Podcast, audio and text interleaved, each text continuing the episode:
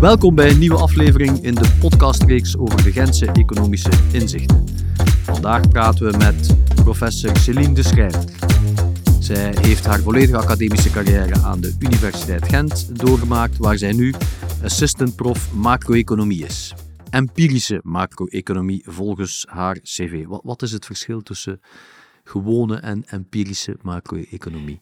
Klopt, goede vraag. Um, empirische macro-economie, dat slaat eigenlijk vooral op het feit dat ik met data werk en daar bepaalde statistische technieken op toepas om uh, onderzoeksvragen uh, te beantwoorden.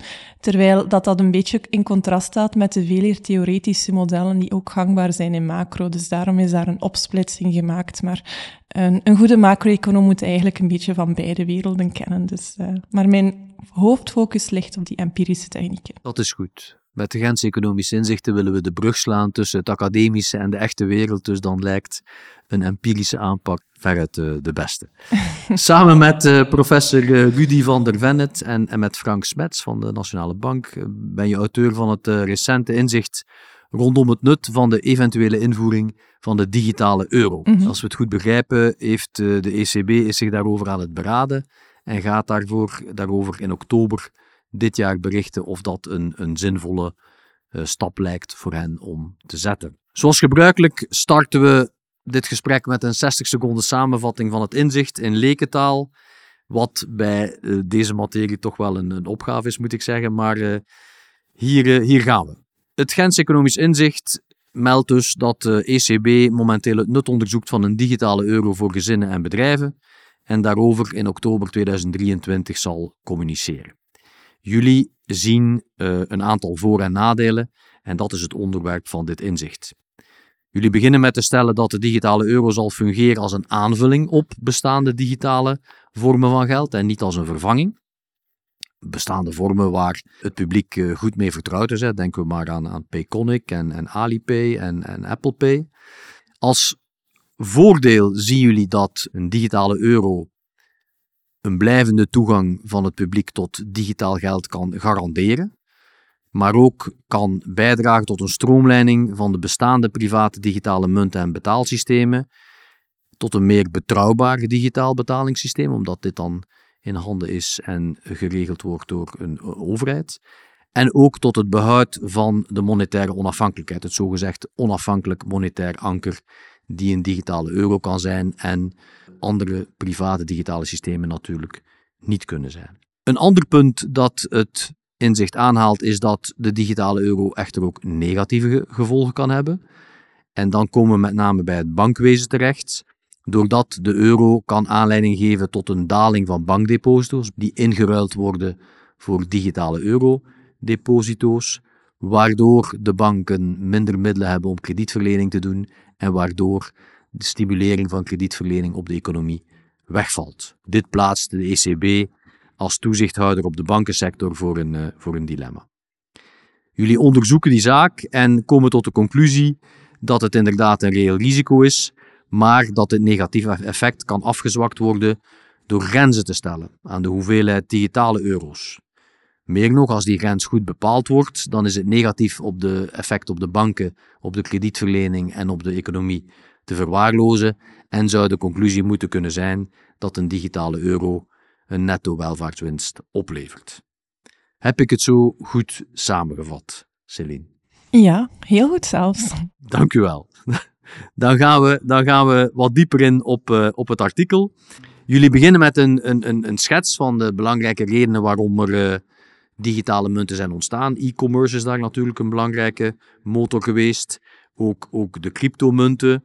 Uh, er ontstaat bij veel mensen, kan ik me inbeelden, het gevoel van een, een wildgroei aan digitale betaalsystemen. Hoe bedreigend is die ogenschijnlijke wildgroei aan betaalmethodes en dus aan geldcreaties? En heeft dat misschien ook te maken, of heeft dat misschien ook een invloed gehad op de huidige inflatoire opstoot? Ja, dat zijn veel vragen bij elkaar. Um, ik denk inderdaad dat het een uh, goede observatie is om te stellen dat, dat mensen en, en iedereen eigenlijk alsmaar meer geconfronteerd worden met zoveel verschillende digitale munten. En dat staat dan nog los van alle andere digitale manieren om te betalen, zoals een Google Pay of een Payconic of wat dan ook, wat eerder te maken ook heeft met betaalsystemen onderliggend daaraan. En uh, de idee dat wij hadden met dit Gens Economisch Inzicht was om een beetje uit te klaren van ja, die digitale euro bovenop alles wat er al is, hebben wij dat wel nodig? Waarom is dat belangrijk? Waarom is dat relevant? En um, wij proberen daar het standpunt te maken dat er wel een belang is voor ons als burgers in de zin dat dat een digitale munt is die door de Centrale Bank van Europa, de ECB, wordt uitgegeven, wat veel veiliger is dan sommige heeft dan alle, maar zeker sommige private systemen, omdat die centrale bank volledig garant staat voor de inwisseling van die munten. Um, uiteraard kan, kan men zich nog steeds vragen stellen over wat u noemt, ja, die opstoot van inflatie. Dat is een beetje geldontwaarding. Maar het veiligheidsperspectief zit hem vooral in het feit dat er een overheidsgarantie, een centrale bankgarantie is dat dat middel, dat geld altijd inwisselbaar is, altijd aanvaard zal worden. En dat kunnen de private initiatieven eigenlijk nooit in diezelfde mate bieden. In de zin dat zij uh, wel een bepaalde backing voorop zien, dat er een, uh, bijvoorbeeld als je een cryptomunt hebt, dat die kan geconverteerd worden naar andere munten. Maar dat is nooit 100% betrouwbaar. Eén, omdat veel private initiatieven geen overheidsregulering kennen. Dus er wordt eigenlijk niet op toegezien of zij wel die backing hebben, waarvan ze pretenderen dat dat zo moeten zijn. En um, twee, om, omdat daar, uh, ja, die, die kunnen wel fight gaan en in dat geval zijn de mensen hun geld kwijt. Maar als je denkt aan de, aan de, de klassieke uh, digitale betaalsystemen van banken, eh, een Payconic of van hele grote computerbedrijven of IT-bedrijven zoals, zoals Apple, Google, Amazon, ja, dan, dan is daar toch een zeer groot gevoel van, van veiligheid al aanwezig. Daar zou zich A de vraag kunnen stellen, is dan nog zo'n extra alternatief wel nodig? En B, als dat er komt, en dat is misschien een relevantere vraag, dreigt dat dan niet die andere systemen, die toch, die toch ook een, een heel belangrijke nut hebben en een, een winstbron ook zijn voor banken, te marginaliseren. Dat iedereen zegt, ja, als die digitale euro er is, dan, uh, dan ga ik daarop over. En, dan, en dan, dan gebruik ik die bankaire producten niet meer. Ja, Um, dus in eerste instantie is het zo dat bankwezen heeft echt wel een heel speciale rol in onze economie. Die, onze, onze tegoeden zijn daar heel goed beschermd, terecht ook. En daar is zeker geen probleem qua um, veiligheid in de zin dat onze banken, en zeker de grote banken in onze economie, die hebben ook toegang tot dat centrale bankgeld.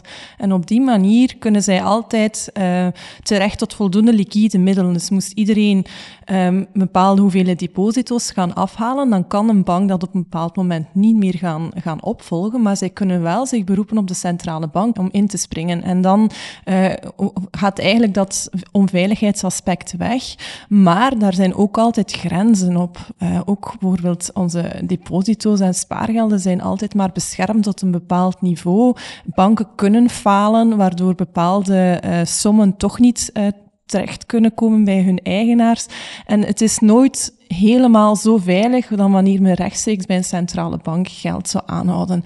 En uh, de, de redenering die uh, de ECB, maar ook andere centrale banken in de wereld nu volgen, is dat men tegelijkertijd ziet dat alle digitale munten en digitale betaalmiddelen die nu in omloop zijn, dat die uh, wel dat, dat veiligheidsaspect niet kunnen bieden. En dat tegelijkertijd cash, wat wel rechtstreeks geld van de centrale bank is, dat verdwijnt in onze maatschappij. Dat is voorbijgestreefd, dat is wel, uh, dat is wel ja, natuurlijk. Het wordt alsmaar minder en minder belangrijk. Uh, bela het is natuurlijk ook op te merken daar dat voor sommige mensen dat nog altijd heel belangrijk blijft. Dus daar moet ook een bepaalde sociale dimensie zitten.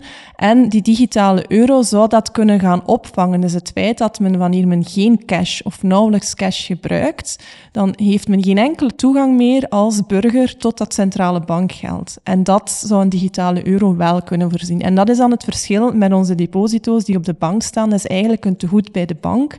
Onze commerciële bank en niet bij de centrale bank. Maar daarnaast zijn er dan ook nog alle private systemen en daar heeft men die uh, toezichtsregels die er wel voor de bankenwezen zijn, niet of niet in diezelfde mate. Dus men weet eigenlijk niet hoe stabiel dat systeem eigenlijk is wanneer daar bepaalde schokken op zijn of wanneer bepaalde mensen heel van hun digitale munten willen uh, ruilen of hun tegoeden willen opnemen.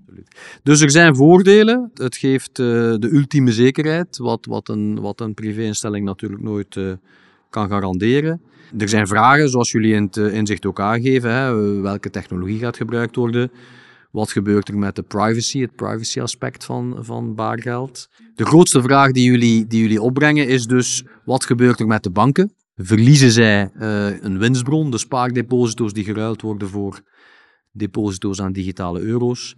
Is dat een bedreiging in zekere mate voor kredietverlening en, en, en groei?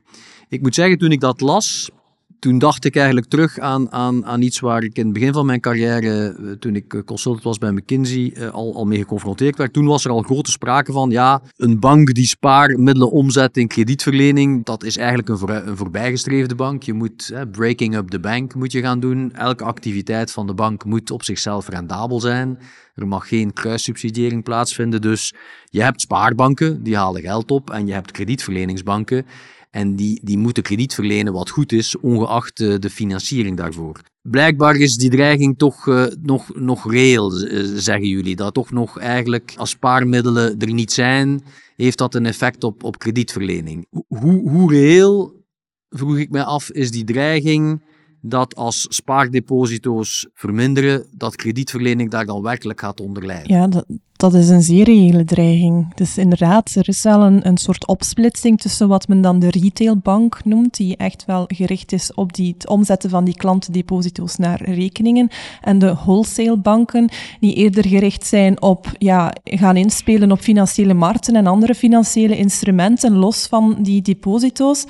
Maar men ziet wel dat het belang van deposito's als een zeer goedkope manier als bank om zich te financieren daar is en dat dat effect van een mogelijke invoering van de digitale euro ook vooral speelt bij die banken die zich focussen op het marktmodel van omzetten van deposito's tot leningen, die zogenaamde retailbanken. Het zijn uh, wat wij in het werk dan depositobanken noemen, zijn het degenen die echt het meest negatief reageerden al op het nieuws van een mogelijke introductie van CBDC in de vorm van hun uh, aandelenkoersen.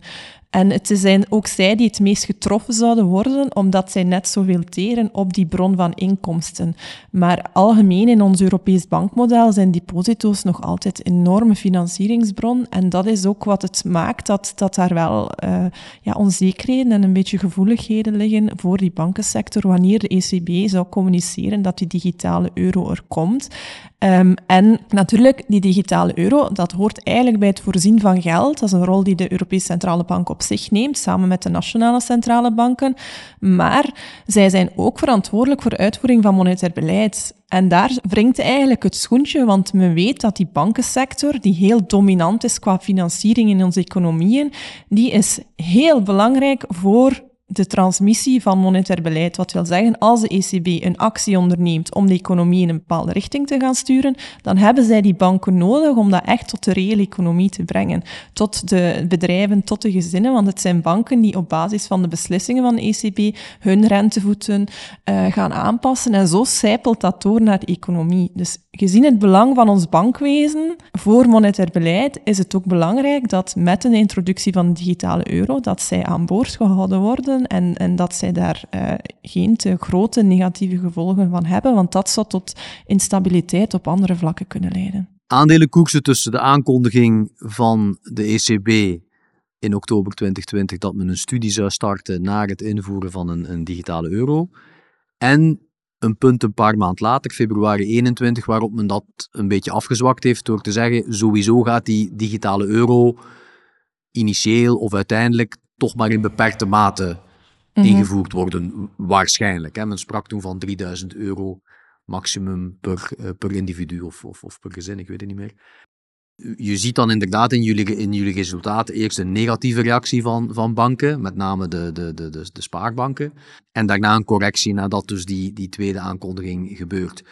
Ja, inderdaad. Het is het onderzoek van, van een van de auteurs, Frank Smets, uh, dat we bespreken in het Gens Economisch Inzicht. En wat, wat zij daar eigenlijk stellen is van ja, als we dan toch naar de data willen gaan, die er niet zijn, want er is nog geen introductie, dan kunnen we wel al kijken naar de financiële markten, hoe die reageren op nieuws, uh, wat men dan verrassingen noemt, uh, voor die financiële markten, omdat die markten zijn altijd vooruitziend. Dus daarom kan men daar een soort reactie van uit gaan, gaan, uh, gaan peilen. En dan ziet men dat dat verschil tussen die twee types van banken, ongeveer 4% is. En als we dat dan gaan omrekenen tot het mogelijk effect op um, de winstmarges, dan is dat on ongeveer een half procent. En een half procent, dat is in, 2000, uh, in, in 2020 wel de helft van de totale return on assets. Natuurlijk, dat was een speciaal jaar, want we hadden toen COVID. Ook nog. Uiteraard. Dus banken die hebben enorm veel provisies aangelegd, waardoor hun winstmarges sowieso laag waren. Maar als ze dan ook de twee jaar voordien bekijken, dan ziet men dat dat ongeveer een tiende is van het gemiddelde winstmarges van de banken. Dus dat wil eigenlijk zeggen dat die 4% verschillen in die reactie van de aandelenkoersen tussen die twee types banken, dat dat wel aanzienlijk is. Ja, ja. Dus um, we weten dat het een aanzienlijk effect is. En wat, we dan in het, uh, wat we dan in het economisch inzicht ook bespreken, is dat het heeft niet alleen effect op die aandelenkoersen of op de winstmarges, maar ook op de kredietverlening. En dat is wel heel belangrijk natuurlijk. ja, dat is eigenlijk de kern van het inzicht. Hè. Je zegt de winstgevendheid van de bank is één, één ding. Dan denk ik, die banken vinden altijd wel een nieuwe bron van winst. Maar als het rechtstreeks gaat door, hè, dat, dat hebben we door de eeuwen heen gezien als het rechtstreeks gaat doorwerken op kredietverlening, ja, dan, komt, uh, dan komt de algemene economische schade. Ja. Wat je daarachter ziet, is dat, dat er wel een initieel effect is op het moment dat de ECB aankondigt dat ze de studie gaan beginnen. Maar het herstel van kredietvolumes, als ik me goed herinner, nadat men gezegd heeft, oh, we, gaan, we gaan het maar mondjesmaat invoeren of we gaan het beperken tot 3000 euro per individu. De het herstel van de kredietvolumes is daar iets minder uitgesproken. Eh, is dat nog, is dat nog relevante conclusie dat, dat ten aanzien van kredietvolumes die, die het beeld wat genuanceerder is dan, dan in de aandelenkoersen? Of, of ja, ga ik daar te kort door de bocht? men ziet eigenlijk wel eenzelfde patroon in de zin dat er een sterk negatieve reactie is van die depositobanken op het initiële nieuws dat er een introductie zou komen. Daar waar, wanneer dit eigenlijk bijgestuurd wordt van communicatie door de ECB, dat daar een begrenzing zou komen, dat dat toch dat negatief effect gaandeweg wegcijpelt. Oké, er is natuurlijk ook een monetair effect als een centrale bank een middel bijkrijgt om, om geld te creëren, een digitale euro, of, of zoals in het kwantitatief macro-bankair model in jullie artikel ook staat, seniorage van de ECB, wat eigenlijk de uitbreiding van de geldbasis is, kan leiden tot toename van overheidsbestedingen, dan klinkt dat voor velen als de overheid die zichzelf financiert, weer een extra bron van geld drukken, is dat niet inflatoir glad ijs? En ik stel de vraag als niet-specialist bewust zeer, zeer algemeen en zeer, en zeer vaag, maar probeer meer een gevoel te, ver, te verwoorden. Ja. Hoe, hoe kijken jullie daar tegenaan? Wel, er is natuurlijk een duidelijke scheiding tussen wat monetair beleid en de ECB tracht te doen en wat de politieke overheden doen. Dus dat is ook de reden waarom wij een ECB hebben. Men wil dit, die drukpers die de ECB in handen heeft volledig gaan, of zoveel mogelijk toch gaan onafhankelijk maken van die politici. Omdat men uit ervaring weet dat wanneer politici toegang hebben tot die geldpers, dat dat ook wordt toegepast voor politieke doeleinden. Dus we willen herverkozen worden, dus het zou goed uitkomen dat wanneer men uh, als uh, partij aan de macht naar de verkiezingen moet trekken wanneer er hoogconjunctuur is, dus gestimuleerd door geld te drukken, dat dat toch wel tot meer electorale uh, prestaties gaat leiden. Dus ECB die is onafhankelijk van die politieke druk. Dat is ook de reden waarom men zo'n grote schotten heeft gevormd tussen die instellingen. Um, maar er is uiteraard de doel van de centrale bank om inflatie onder controle te houden. En men kan niet anders uh, als, als toeschouwer zeggen dat uh, ja, de ECB daar toch wel heel veel moeilijkheden mee gehad heeft in de voorbije jaren. Dus eigenlijk sinds de financiële crisis van 2008, 2009 ziet men dat die doelstelling van 2% moeilijk behaalbaar is. In de zin dat we eerst een decennia gehad hebben van abnormaal lage inflatie. En nu is er dan die opstoot van inflatie. Um, om dat allemaal toe te schrijven aan het beleid van centrale banken, ja, dat gaat veel te kort door de bocht, denk ik. Uh, maar ik wil wel duidelijk stellen dat hier de creatie van die digitale euro heeft op zich niks rechtstreeks te maken met het creëren van geld, want zij kunnen al geld creëren op de conventionele manier. Het is meer het aanbieden van geld in een andere vorm.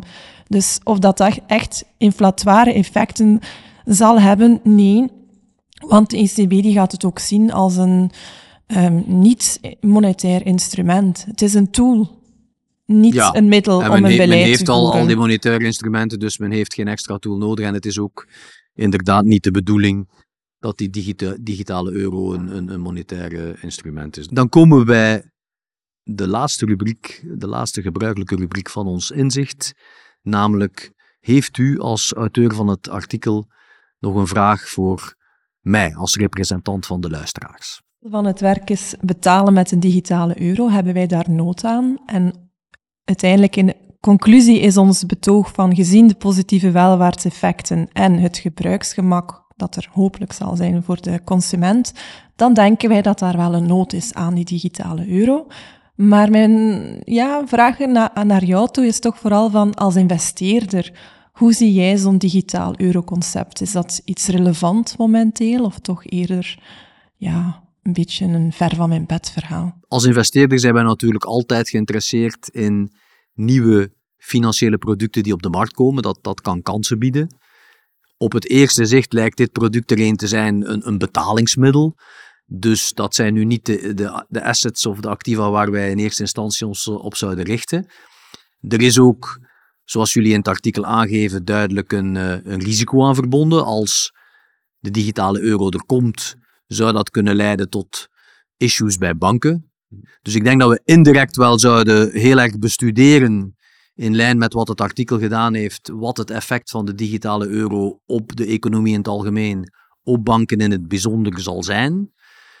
Ik denk dat we ook heel veel geruststelling zouden vinden in het feit dat die digitale euro stapsgewijs wordt ingevoerd. Maar om rechtstreeks zelf digitale euro's te gaan, gaan aanhouden als investeerder, daar lijkt uh, het bedrag, uh, het initiële bedrag wat klein voor. Ik denk dat het uh, altijd zeer interessant is om te gaan bestuderen als er nieuwe instrumenten komen, wat het effect op de financiële sector is. Banken zijn zeer interessante beleggingsobjecten, zeer interessante aandelen. Uh, de, de, de, financiële crisis heeft dat aangetoond. Je kunt daar hele grote verliezen, maar ook hele grote winsten mee maken. Waar vroeger financiële aandelen traditionele goede huisvaderaandelen waren, is dat sinds, uh, sinds toen aanzienlijk veranderd. En ik moet zeggen, ik herinner mij dat in mijn carrière dat dat ook een belangrijk keerpunt is geweest. Dat, dat de, de versnelling van financiële innovaties de, de, de traditionele goede huisvaderaandelen, die banken waren, toch in een ander daglicht uh, zijn gaan stellen. Als ik verder doorga, dan kan ik ook zeggen dat dat ook geldt voor energiebedrijven. Dat waren vroeger ook uh, traditionele goede huisvaderaandelen, maar sinds de energietransitie is, is ook dat veranderd. Dus uh, elke financiële innovatie of elke innovatie wordt, als, wordt door een investeerder met heel veel interesse bekeken wat voor effect dat gaat hebben op, op de economie en op bedrijven waarin die investeerder kan beleggen of investeren. Om als dusdanig rechtstreeks in digitale euro's te gaan investeren, ja, dat, uh, dat zal waarschijnlijk veel minder een uh, thema zijn. Dank om te luisteren.